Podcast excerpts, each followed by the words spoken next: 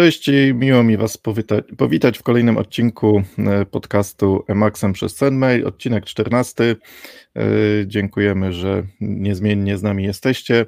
E, chcieliśmy dzisiaj porozmawiać o takim temacie, który w kontekście ostatnich różnych konfliktów związanych z cyberbezpieczeństwem i wojną na Ukrainie, trochę też przy tej okazji e, wypłynął i parę, parę razy już się spotkałem z takimi e, pytaniami dotyczącymi bezpieczeństwa, nie tyle w kontekście jakiejś infrastruktury firmowej i jakichś systemów, którymi się opiekujemy, ale w kontekście takiego bezpieczeństwa prywatnego, w rozumieniu czego, czego używać, aby być bezpiecznym na co dzień, na komputerze, na telefonie, jakiego sprzętu, jakiego oprogramowania, Myślę, że to jest dobry taki temat, żeby trochę się podzielić mm, tym, co my jako bezpiecznicy, bo wszyscy w trójkę w sumie mm, tą branżę w jakiś sposób reprezentujemy.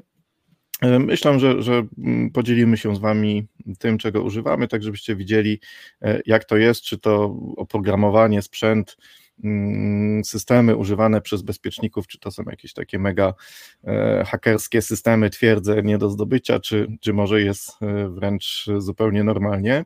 E, ja, jeżeli pozwolicie, to zacznę od siebie. Może tak, od sprzętu. Jeśli chodzi o, o, sprzęt, to z punktu widzenia bezpieczeństwa może nie jest jakiś taki temat bardzo e, istotny, chociaż w kontekście takich różnych podejrzeń, które kiedyś też były w stosunku do różnych komponentów produkowanych w Chinach e, wysnuwane. E, przypomniał mi się teraz taki wątek, nie wiem czy śledziliście też trochę w kontekście wojny, wątek dronów jakiegoś chińskiego producenta, nie pamiętam niestety nazwy, ale okazało się, że te drony były sprzężone z jakąś taką usługą chmurową, która pozwalała operatorom tych dronów e, śledzić e, samego swojego drona, ale śledzić też e, innych operatorów tych dronów po to, żeby gdzieś tam nie wchodzić sobie w paradę, żeby gdzieś w pobliżu, jak widzimy, że ktoś inny lata e, dronem tego samego producenta, żeby, żeby jakoś tam na siebie uważać. E, no i okazało się, takie najpierw to były podejrzenia, no później te podejrzenia były wręcz e, udokumentowane, udowodnione, że niestety ten chiński producent tego sprzętu w jakiś tam sposób wspomagał Rosjan w namierzaniu operatorów tych dronów po stronie ukraińskiej, a jednocześnie uniemożliwił robienie tego samego w drugą stronę, czyli operatorom ukraińskim e, uniemożliwił korzystanie z tej usługi chmurowej. E, było to tłumaczone niby jakąś taką awarią tego mm, całego rozwiązania, natomiast awaria no, wydaje się takim bardzo, bardzo dużym zbiegiem okoliczności. Jeżeli to by rzeczywiście była awaria e, polegająca na tym, no, że, że brały w niej udział tak naprawdę dwie strony konfliktu wojennego i jedna z, ze stron tego konfliktu mogła z tych dronów korzystać i namierzać e, przeciwników, druga nie. No jakaś taka bardzo, bardzo specyficzna musiała być to awaria, ale to mi e, też przypomniało o takich podejrzeniach, które już, już też jakiś czas temu mm, były w stosunku do chińskich komponentów używanych w serwerach. Nie wiem, czy pamiętacie, był taki wątek mm, chyba z serwerów HP, o ile dobrze pamiętam, że były tam używane jakieś takie chipsety, które Mm, były co do nich podejrzenia, czy one gdzieś tam nie, nie tworzą, nie generują jakiejś komunikacji e, niechcianej. Mm, to też bardziej były takie podejrzenia, nie do końca było to dokładnie zbadane z tego co pamiętam, ale, ale wiem, że jakieś wątpliwości e, co do tych rozwiązań były. No i ten wątek pewnie jak ktoś tam się interesuje i śledzi mm, różne kwestie związane z cyberbezpieczeństwem, on się od czasu do czasu pojawia. Także ja powiem szczerze, że dotychczas jakoś specjalnie się tym nie przejmowałem, e, skąd kupuję urządzenie, czy to jest komputer producenta chińskiego, czy amerykańskiego, czy jakiegoś innego. E, pewnie też w dużej mierze dlatego, że nie uważam się za osobę jakąś e, bardzo znaną, osobę, która jest w jakimś tam zainteresowaniu różnych, czy to grup przestępczych, czy jakichś grup szpiegowskich. Być może gdybym na jakimś bardzo eksponowanym stanowisku w dużej organizacji pracował, to być może bym się tym bardziej przejmował, ale te ostatnie doniesienia odnośnie tych dronów trochę to moje podejście zmieniło. I teraz, e, no czego ja używam na co dzień? Używam telefonu, który jest takim e, jednym z popularniejszych Chińczyków, telefonu z Androidem i przyznam szczerze, że przy kolejnym zakupie, który gdzieś tam się niedługo szykuje, bo już ten telefon e, swoje przeszedł, e, myślę, że producentów chińskich e, będę jednak gdzieś tam na dalszy plan odstawiał. Przypadku, tak pozostając przy sprzęcie jeszcze, na razie w przypadku laptopa jest to Lenovo, mm, jeśli chodzi o, o laptopy, to myślę, że jest to jedna z takich popularniejszych marek. I tutaj kompletnie nie mm, brałem pod uwagę jakichś kwestii związanych z bezpieczeństwem przy wyborze komputera, w zasadzie kwestie tylko i wyłącznie związane z możliwościami technicznymi, zależało mi na, na dużym dysku SSD, zależało mi na tym, żeby tam było z kilkadziesiąt gigaramu, procesor Intel i7, także patrzyłem jakby na, na parametry wydajnościowe, oczywiście też, też cena, bo, bo w tej cenie e, którą chciałem wydać, komputery, komputery mm, markowe, żeby nie bawić się w jakieś takie no-name'y, no były, były jeszcze osiągalne, mm, jakieś tam maki, które, które, które są popularne e, dosyć w świecie bezpieczników, nigdy mnie nie pociągały, ja też e, z racji tego, że gdzieś tam od zawsze byłem e, miłośnikiem open source'a, no jestem, jestem w dalszym ciągu niezmiennie miłośnikiem Linuxa i przechodząc tak od tego sprzętu do E, systemów, to Linux jest systemem, który od myślę 10 już co najmniej lat e, na moim komputerze e, gości. Także jak widzicie, nie ma tutaj jakiejś, jakiejś rocket science, jakichś nie wiadomo jakich rozwiązań. Mm, telefon, laptop, myślę, że, że taki bardzo, bardzo popularne modele, jeśli chodzi o systemy, to jest to Android i jest to Linux Ubuntu na laptopie. Y, jak to, jak to chłopaki u Was wygląda? Podzielcie się.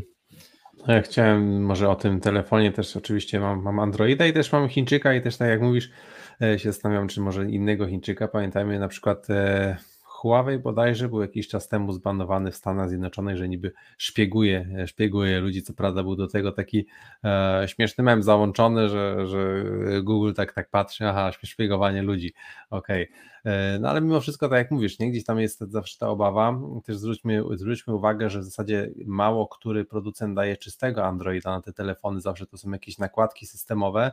E, co w tych nakładkach jest, tak do końca nie wiemy i chyba tylko OnePlus jeśli dobrze kojarzę, jeśli nie, to mnie poprawcie, y, daje tak, tak z, takiego czystego Androida, więc to jest warto się zastanowić nad tym, zwłaszcza, że, że nie ma wtedy też problemu większego z aktualizacjami i tak dalej.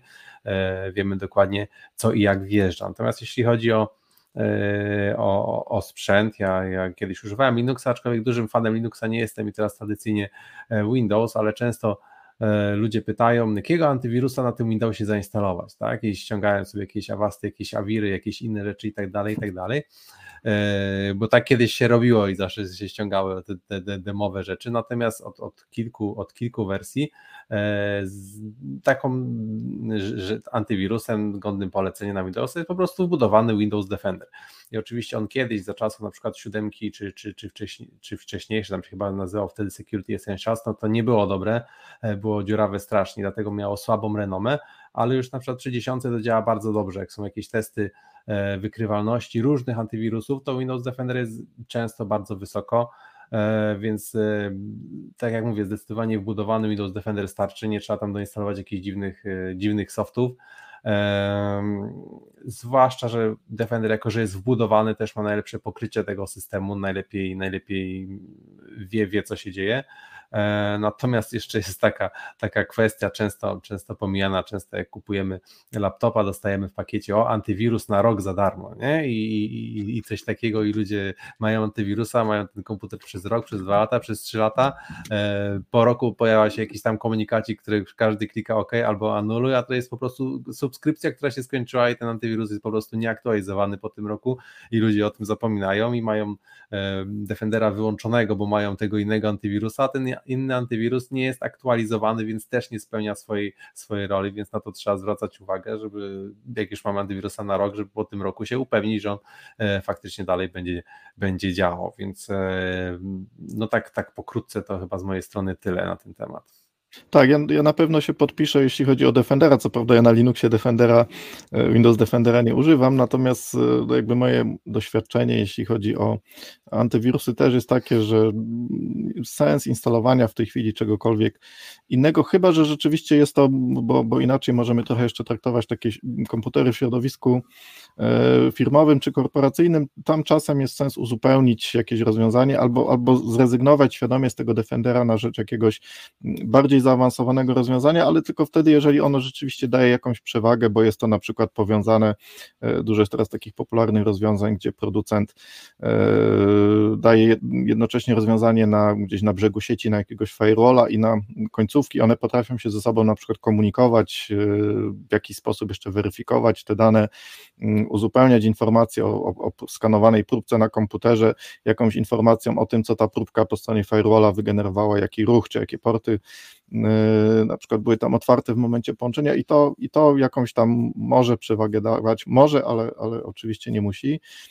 Także zdecydowanie ja też tutaj e, Defendera bym polecał, to też widać, jak ktoś się trochę bawi w jakieś testy e, albo próbuje jakieś takie mm, wersjach czy, czy warunkach laboratoryjnych, czy przy, przy okazji różnych szkoleń, na przykład czasem jak generujemy jakieś próbki jakiegoś malware'u, żeby pokazać jak, jak działa, to bardzo często jest tak, że ten Defender e, nawet jakieś najnowsze, najnowsze metody obfuskacji i zaciemniania tego kodu złośliwego, on jest w stanie to wychwycić, w przeciwieństwie do innych antywirusów, które, które często da się łatwiej oszukać. Także tutaj myślę, że też, e, też, też jestem zgodny z tym, że to takie rozwiązanie domyślne, jeżeli jest ono aktualne i, e, i włączone, bo, bo to są dwie najważniejsze rzeczy, jeśli chodzi o antywirusa, żeby on był aktualny i włączony, a, a, a nie żeby miał takie czy inne logo.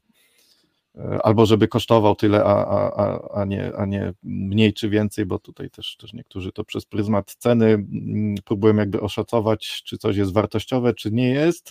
No często tak jest, że ta cena za sobą pociąga jakąś jakość, ale jeśli chodzi o e, rozwiązania antywirusowe, to, to myślę, że nie ma się tutaj co sugerować tym, że Windows Defender jest e, darmowy, bo jest w cenie jakby Windowsa, jest, jest rzeczywiście produktem dobrym.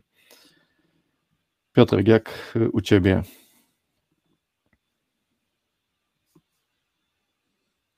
Y, chyba nie masz mikrofonu, Piotr, y, włączonego, bo coś, coś Cię nie, nie słyszymy.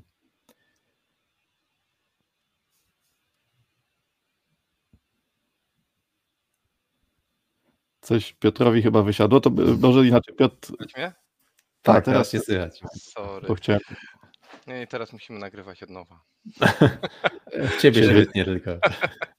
Nie, tutaj y, chciałem dodać do, y, jeszcze w ogóle do, jeśli ktoś ma Windowsa, to polecam OneDrive'a z opcji OneDrive'a i kopią zapasową swojego pulpitu i dokumentów, szczególnie, że też ma dodatkową ochroną przed ransomware.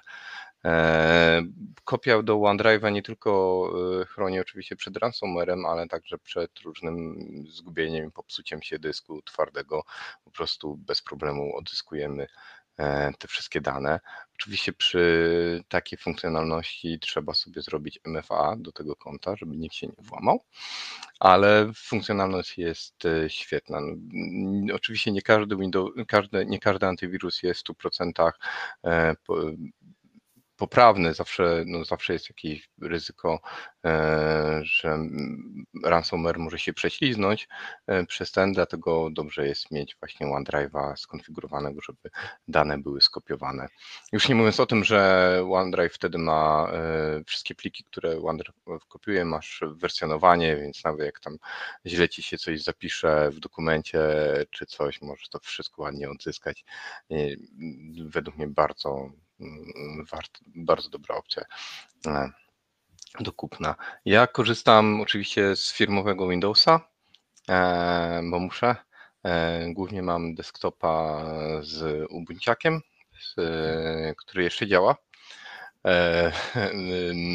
Oczywiście mam problemy z różnymi driverami do GeForce'a czy do mojego Radeona i sterowniki różne, ale działam na LTS na, nie na, e, więc całkiem dobrze na razie to wszystko e, rusza. Oczywiście nie tylko kwestia obrony przeciw antywirusami, ale także różne wtyczki e, do przeglądarki, które tam blokują reklamy i inne skrypty też się bardzo przydają. E, szczególnie ja nie wyobrażam sobie chodzenia interne po internecie bez adblocka. To jest, wtedy internet jest po prostu przerażający. Już nie mówiąc, że dawno by mi przeglądarka już wybuchła przy tylu ilościach zakładek, co mam. E, jeszcze gdyby w każdej były tyle reklam.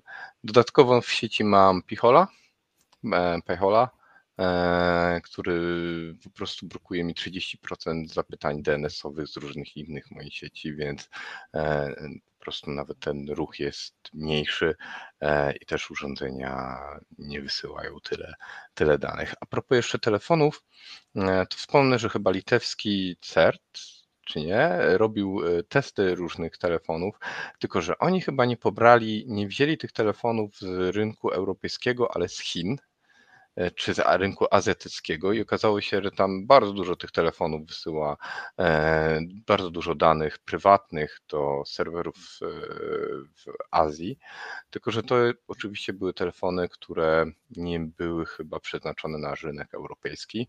Nie pamiętam dokładnie tego. E, ale w, więc jakby nie polecałbym chińskich e, telefonów, szczególnie pod tym względem, w ogóle przy wyborze telefonu bym się bardziej sprawdzał tym, co Google potwierdza przy e, jakby dłuższym wsparciu, które w systemy, które, którzy producenci szybciej dają, dostarczają łatki bezpieczeństwa do swoich urządzeń. Samsung chyba jest nadal liderem i oczywiście Google, jeśli chodzi o Androidy. Tak, ja y, to tylko zupełnie odnośnie tych testów, o których mówiłeś, bo też y, i, i Krzysztof o tym wspomniał, że były jakieś podejrzenia co do tego Huawei'a. E, tam było, było coś takiego, że oni mm, wykryli, że jakieś słowa mm, kluczowe były w tym oprogramowaniu wymienione, mm, które, były, które można było ocenzurować, czyli użycie któregoś tam, z, nie było ich dużo, to była jakaś taka dosyć krótka lista, użycie któregoś z tych słów e, powodowało, że ono było e, ocenzurowane, natomiast e, to była opcja, która była w kodzie, co prawda gdzieś tam zaszyta, ale ona nie była domyślnie włączona. Na rynku europejskim ten kod był, ten, ten kod był w jakiś tam sposób wyłączony, więc tak. Przynajmniej aktualnie. Tak, tak, tak. No, py, py, pytanie, pytanie czy, czy z jakąś tam aktualizacją yy, pewnie, pewnie można byłoby to włączyć. Y, jeszcze taką małą dygresję, bo wspomniałeś Piotrek o, o, o, o. Y, dla tych, co nie wiedzą, to jest taki system mm, zbudowany na, na Raspberry Pi, tak, na, na, na tej popularnej płytce takiej y, z mikrokomputerem, gdzie mm, możemy sobie system jakiś zainstalować z oprogramowaniem i, i mm, czy PyHole to jest taki projekt, w ramach którego uruchamiamy sobie nasz lokalny taki proxy DNS-owy, jakby, czyli taki serwer DNS-owy, który, do którego kierujemy zapytania. On te zapytania oczywiście przekierowuje e, dalej, ale po drodze filtrując wszystko, co on ma w jakiejś swojej mm, potężnej bazie uznane, że jest to, że, że są to połączenia związane albo z jakimiś reklamami, albo, e, albo jakimiś sieciami, które, czy, czy, czy, czy systemami, stronami, które nas w jakiś tam sposób śledzą, szpiegują i ten ruch jest tego przez to, przez to oprogramowanie wycinany. To jest, to jest rzeczywiście fajne rozwiązanie, które jeżeli ktoś, bo tutaj oczywiście no taki szary powiedzmy użytkownik, który gdzieś tam e, nie ma odpowiedniej wiedzy, pewnie sam sobie tego nie uruchomi, ale jeżeli ktoś tam się lubi czasem pobawić, coś sobie doinstalować, co wpłynie na jego bezpieczeństwo i komfort pracy, to, e, to warto się temu projektowi e, przyjrzeć. Mm, wspomniałeś też o dodatkach do przeglądarki i mi się tak przypomniało, że, że przeglądarka to w sumie nie miałem tego w planach, ale to jest też temat, który, który moglibyśmy sobie pokrótce omówić, co, co kto używa. Y, ja używam tak naprawdę w tej chwili trzech przeglądarek. Y, używam y, Google Chroma, używam Firefoxa od Mozilla i używam od jakiegoś czasu Brave'a. I tutaj szczególnie ten, ten ostatni, jeśli chodzi o ograniczenie reklam, to, to warto polecić, nie wiem czy mieliście do czynienia z tą przeglądarką, e, ale Brave jest taką przeglądarką, która jest tworzona właśnie z myślą o tym, żeby jakikolwiek e, reklamy mm, wyciąć nam po prostu z ruchu, który się w przeglądarce pojawia i powiem Wam, że radzi sobie z tym bardzo dobrze, e, bez żadnych adblocków, bez żadnych dodatków, E, instalowanych, robi to po prostu domyślnie jako, jako jedna z podstawowych funkcjonalności przeglądarki. Także tutaj pod tym kątem Brave jest bardzo fajny. Co prawda, jeśli chodzi o wydajność, przynajmniej, przynajmniej na razie z mojego doświadczenia tak wynika, że zdarza się, że e, otwarcie jakiejś strony na Brave powoduje, że gdzieś tam wentylator e, w laptopie zaczyna głośniej pracować, co przypadku tych przeglądarek już z jakąś tam dłuższą historią, bardziej rozwiniętych, mm, się nie zdarza. Także no, trzeba mieć na uwadze, że jest to projekt jeszcze stosunkowo świeży, ale tak jak patrzyłem na statystyki, to zdobywa coraz więcej E, popularności. I ja tą przeglądarkę z racji tego, że gdzieś tam trochę interesuję się mm, kwestią kryptowalut, trochę też w te kryptowaluty e, się bawię, coś tam inwestuję, to w tą, tego Brave'a zrobiłem sobie jaką taką dedykowaną przeglądarkę właśnie do, do różnych stron, gdzie, gdzie łączę się z jakimiś giełdami, gdzie mam portfele e, kryptowalutowe podłączone. E, I ona zresztą jest też jednym, jednym z założeń tej przeglądarki jest to, że ona jest tworzona z myślą właśnie o rozwiązaniach opartych na blockchainie, ma jakieś tam wbudowane funkcje, ma swój portfel kryptowalutowy, który, który jest też budowany. O nim nie powiem, nic nie, nie, nie polecam go też, bo go nie używałem, jednak bazuję tutaj na popularnym Metamasku, jeśli chodzi o mm, portfel do kryptowalut, e, ale przeglądarkę, przeglądarkę jak najbardziej mogę polecić. Natomiast Chrome i Firefox zamiennie, bo ja też mam dużo takich systemów, e, którymi zarządzam. Takie strony chociażby jak, jak nasz blog Open Security, które z jednej strony muszą cały czas być do nich zalogowane jako administrator po to, żeby coś tam zarządzać, żeby konfigurować, z drugiej strony jako użytkownik, żeby widzieć, jakie są efekty pracy na tej stronie, także w, w, dwóch przeglądarkach mam, mam różne systemy, w jednych zalogowany jestem jako administrator tych systemów, w drugich jako użytkownik, tak żeby sobie na bieżąco porównywać jak to wygląda. No Edge'a siłą rzeczy nie mam możliwości używać, bo e, na Linuxie chociaż był, pamiętam, że był jakiś taki projekt, żeby ten Edge e, na Linuxie też mm, działał, nie wiem, nie pamiętam, szczerze mówiąc, nie interesowało mnie tam na tyle, żeby to śledzić, na czym to utknęło, ale, ale widząc coraz większe tutaj zaprzyjaźnianie się Microsoftu z rozwiązaniami Linuxowymi, to nie zdziwiłbym się, gdyby, gdyby się to pojawiło. E, jak to u Was wygląda? Co, co jeśli chodzi o przeglądarki używacie? No ja też używam zamiennie Chroma i Firefoxa. Też też taka ciekawostka odnośnie E, trybów prywatnych, bo wszystkie przeglądarki praktycznie mają tryby prywatne, natomiast w Firefoxie ten tryb jest bardziej prywatny niż w Chromie. E, do czego zmierzam? Jeśli odpalam na przykład na, na komputerze służbowym e, Chroma i nawet jeśli odpalam tryb prywatny, to i tak dla niektórych stron zaciąga on mi poświadczenia takie, jak mam przy komputerze, tak jak jestem zalogowany do komputera. Natomiast Firefox zupełnie nie, e, zupełnie w trybie prywatnym e, kompletnie niczego nie, za, nie, nie zaciąga ze stacji roboczej, więc to jest, to, to mnie zdziwiło, że jest faktycznie e, różnica między jednym trybem prywatnym a, to, a drugim. To, to ja miałem podobną przygodę, właśnie też to zauważyłem, ale teraz nie dałbym sobie ręki uciąć, że to był właśnie Chrome, ale mm, to, coś takiego mnie zaskoczyło, że ja testowałem jakiś system, otwarłem przeglądarkę w trybie prywatnym, zalogowałem się do tego systemu e, i otwarłem sobie kolejne okno w trybie prywatnym, żeby tam zobaczyć ten system mm, w wersji niezalogowanej i okazało się, że on mi tam tą sesję e, przejął, że on pokazał mi też, że jestem zalogowanym e, użytkownikiem, także to rzeczywiście nie jest tak, że to okno w trybie prywatnym wycina nam wszystko, co, co my dotychczas w tym trybie prywatnym robiliśmy. Trzeba z tym rzeczywiście uważać, a jeszcze wracając do trybu prywatnego i wracając do Brave'a, Brave ma też bardzo fajną opcję takiego okna, mm, oprócz tego, że, że ma tryb prywatny, to ma też coś takiego jak tryb prywatny z siecią Tor, e, i on jest nam w stanie takie połączenie mm, natywnie puścić przez Tora, czyli nie musimy sobie gdzieś tam Tor browsera e, tej standardowej przeglądarki torowej mm, instalować. E, Brave sam w sobie obsługuje Tora i w, może nam takie okno prywatne w w wersji mm, z obsługą sieci Tor uruchomić, co jest też e, przydatne, ale miał też, pamiętam, taka y, jedna z głośniejszych wpadek na początku, jak ta opcja została dodana, Chyba, chyba chodziło właśnie o to, że nie do końca, mimo że włączyliśmy tryb prywatny z siecią Tor, to nie do końca e, wszystko szło przez Tora. Coś tam pamiętam, że jakaś część tej komunikacji się okazało, że przez Tora nie idzie. Nie wiem, czy nie było tak, że DNS-y e, gdzieś tam szły bokiem. Jakaś taka gruba wpadka była. Także jeżeli komuś no bardzo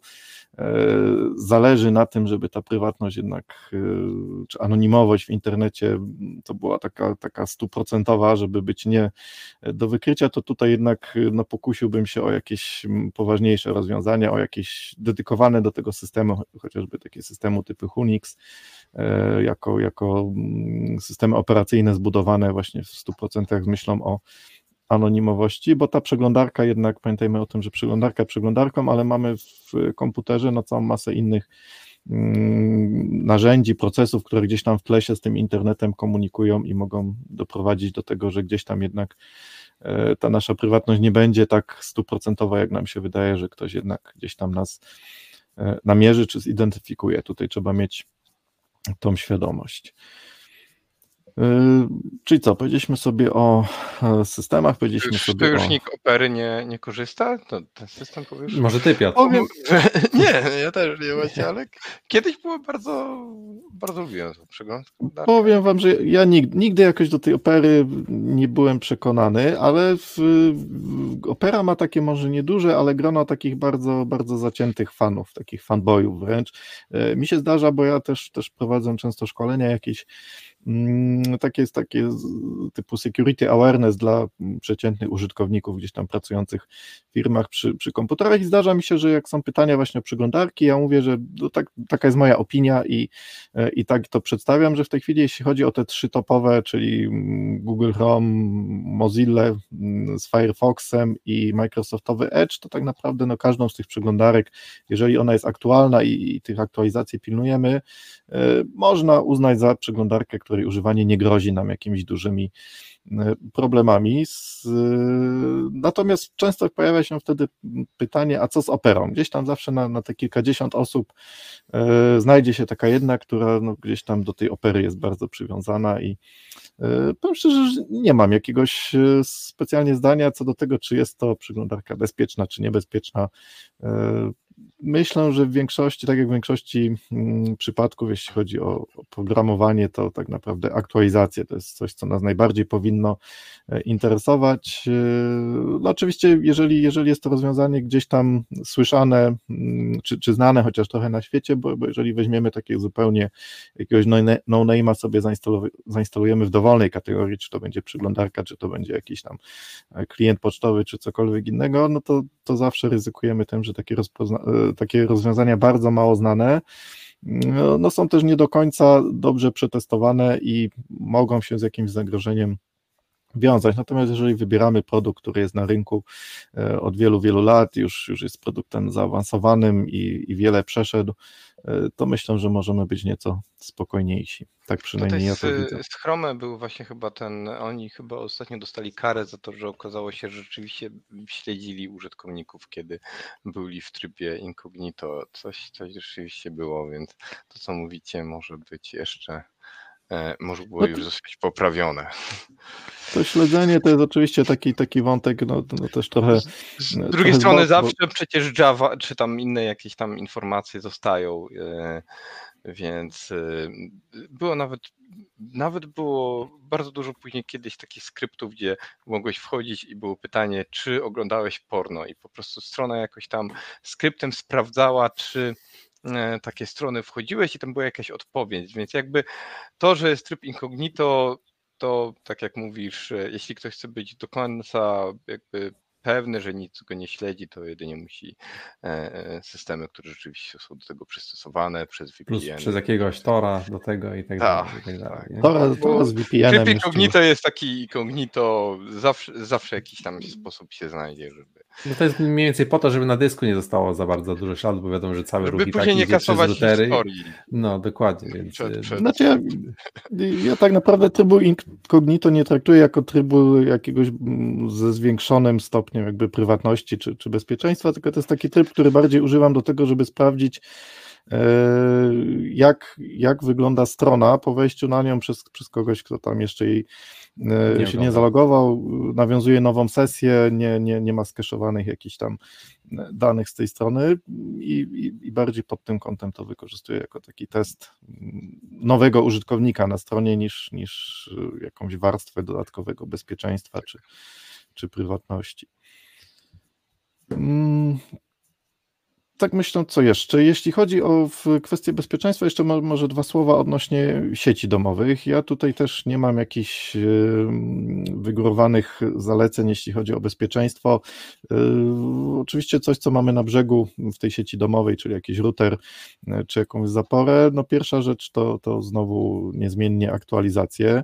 Yy, natomiast taka rzecz, której ja się bardzo trzymam, jeśli chodzi o rozwiązania, a zwłaszcza, zwłaszcza domu, ale myślę, że, że w, tak samo w środowiskach naszych gdzieś tam firmowych warto się tej zasady trzymać, żeby po prostu nie wystawiać niepotrzebnych rzeczy e, do internetu, żeby jeżeli nie mamy takiej potrzeby, to, to żaden interfejs administracyjny, jakiś e, formularz logowania do tego naszego routera czy firewalla, żeby do internetu nie był wystawiony, a jeżeli mamy taką potrzebę, to się nad tym jeszcze 10 razy e, zastanowić, z czego ta potrzeba wynika, bo tak naprawdę ta potrzeba to jest czasem nasze jakieś tam wygodnictwo czy przyzwyczajenie, a nie rzeczywista potrzeba. No, po co nam tak naprawdę interfejs e, wystawiony do internetu administracyjny w, na jakimś urządzeniu domowym? Pamiętajmy, że każdy ten otwarty port, każda najmniejsza usługa, no to jest zwiększanie potencjalnej powierzchni ataku i my możemy oczywiście dbać o bezpieczeństwo i sobie te systemy regularnie aktualizować, no ale to, to nieraz jest kwestia jakichś tam paru godzin, tak pojawia się jakiś zero day, jakiś, jakiś, jakiś nowy exploit i my zanim gdzieś tam, nawet nie my, ale zanim producent zareaguje, tak, zanim zostanie wydana ta poprawka, aktualizacja do tego e, urządzenia, no to może się okazać, że my, że my już gdzieś tam jesteśmy ofiarami jakiegoś botnetu i i warto o tym pamiętać. I znowu to nie jest kwestia targetowania, to jest po prostu kwestia skanerów, które skanują wszystko po internecie i po prostu jak coś znajdą, to tam po prostu wjeżdżają, instalują co trzeba i, i tyle, więc dlatego warto, się, warto, żeby się każdy po prostu zabezpieczał, bo, bo każdy może paść ofiarą nagle. Tak, ja tutaj jak ktoś mnie pyta, to ja, bo, bo często dostaję takie pytanie, no co, co kupić do e, domu, żeby, żeby ta sieć była bezpieczna, żeby z tego internetu nikt mi się nie włamał, ja bardziej się skup na tym, co ty tam będziesz miał na tym urządzeniu uruchomione, mm, niż na tym, czy to się tam nazywa X, czy Y, e, czy Z.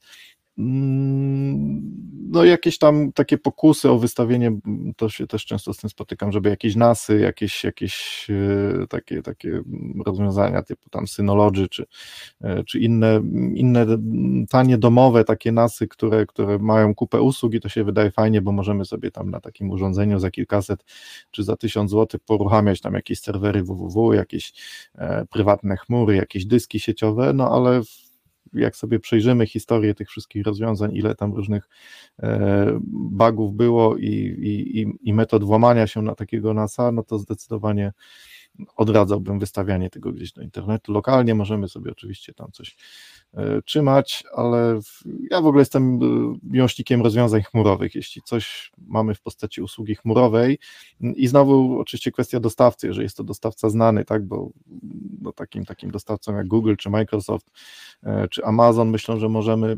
zaufać, to wolę to trzymać w tej chmurze, no i zawsze, zawsze, zawsze to ryzyko, że, że, że z tej usługi ktoś mi się do infrastruktury lokalnej przedostanie jest mniejsze niż takie kupowanie tam jakichś rozwiązań, pudełek, stawianie ich w domu, a producenci niestety bardzo często o, o tych aktualizacjach zapominają.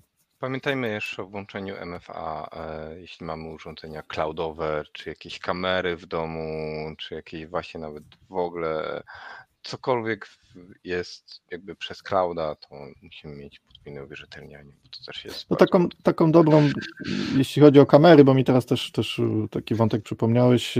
Ja pisałem też kiedyś o tym artykuł, chyba przy okazji testów e, Security Onion albo jakiejś, jakiejś takiej dystrybucji mm, zbudowanym IPS-em, która badała ruch. E, kiedyś sobie, sobie taką instalację e, zrobiłem gdzieś tam na, na brzegu swojej sieci domowej, no i zobaczyłem po tygodniu, mm, co w tym IDS-ie, to był chyba, o ile dobrze pamiętam, Suricata Security Onion, mm, to pokazywała taki, taką mapę świata, gdzie ten ruch z tej mojej sieci domowej jest skierowany i tak 90% ruchu, który, który wychodził ode mnie z domu, to było mniej więcej tak pół na pół Chiny i Stany Zjednoczone.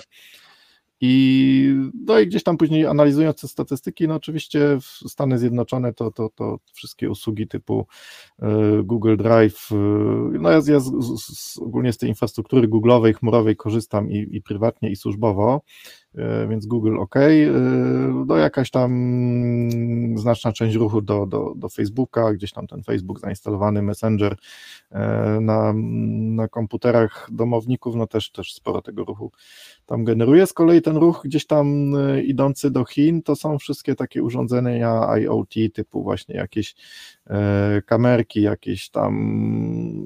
Nie mam, nie mam tego za dużo w domu, ale jakieś tam urządzenia takie typu lampy na przykład sterowane gdzieś tam ze smartfona, I warto do takich urządzeń, tutaj może to podkreślić, że do takich urządzeń mm, wydzielić sobie jakiś odrębny segment, jeżeli nasza sieć czy urządzenia, które mamy w sieci domowej na to pozwalają, to zrobić sobie taką odrębną e, sieć, odrębny VLAN dla tych urządzeń właśnie typu IoT, które gdzieś tam muszą mieć komunikację z internetem, e, ale niekoniecznie, niekoniecznie muszą mieć komunikację z naszą pozostałą siecią, z naszymi e, urządzeniami, z których na co dzień korzystamy. To też na pewno na bezpieczeństwo gdzieś tam pozytywnie wpłynie.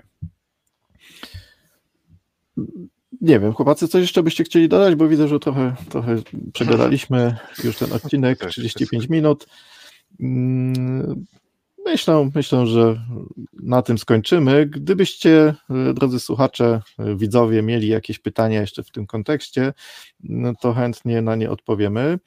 E, przypominamy też tak, że mamy taką grupę na Discordzie od jakiegoś czasu. Jeżeli jesteście zapisani na newsletter, to te w newsletterach przychodzą przypomnienia, linki z zaproszeniem do tej grupy. Warto sobie tam zerknąć. Możecie tam też zadać jakieś pytanie z pomysłem na Mm, temat kolejnego odcinka, czy też odnieść się do tego, o czym e, rozmawiamy, do czego Was zachęcam.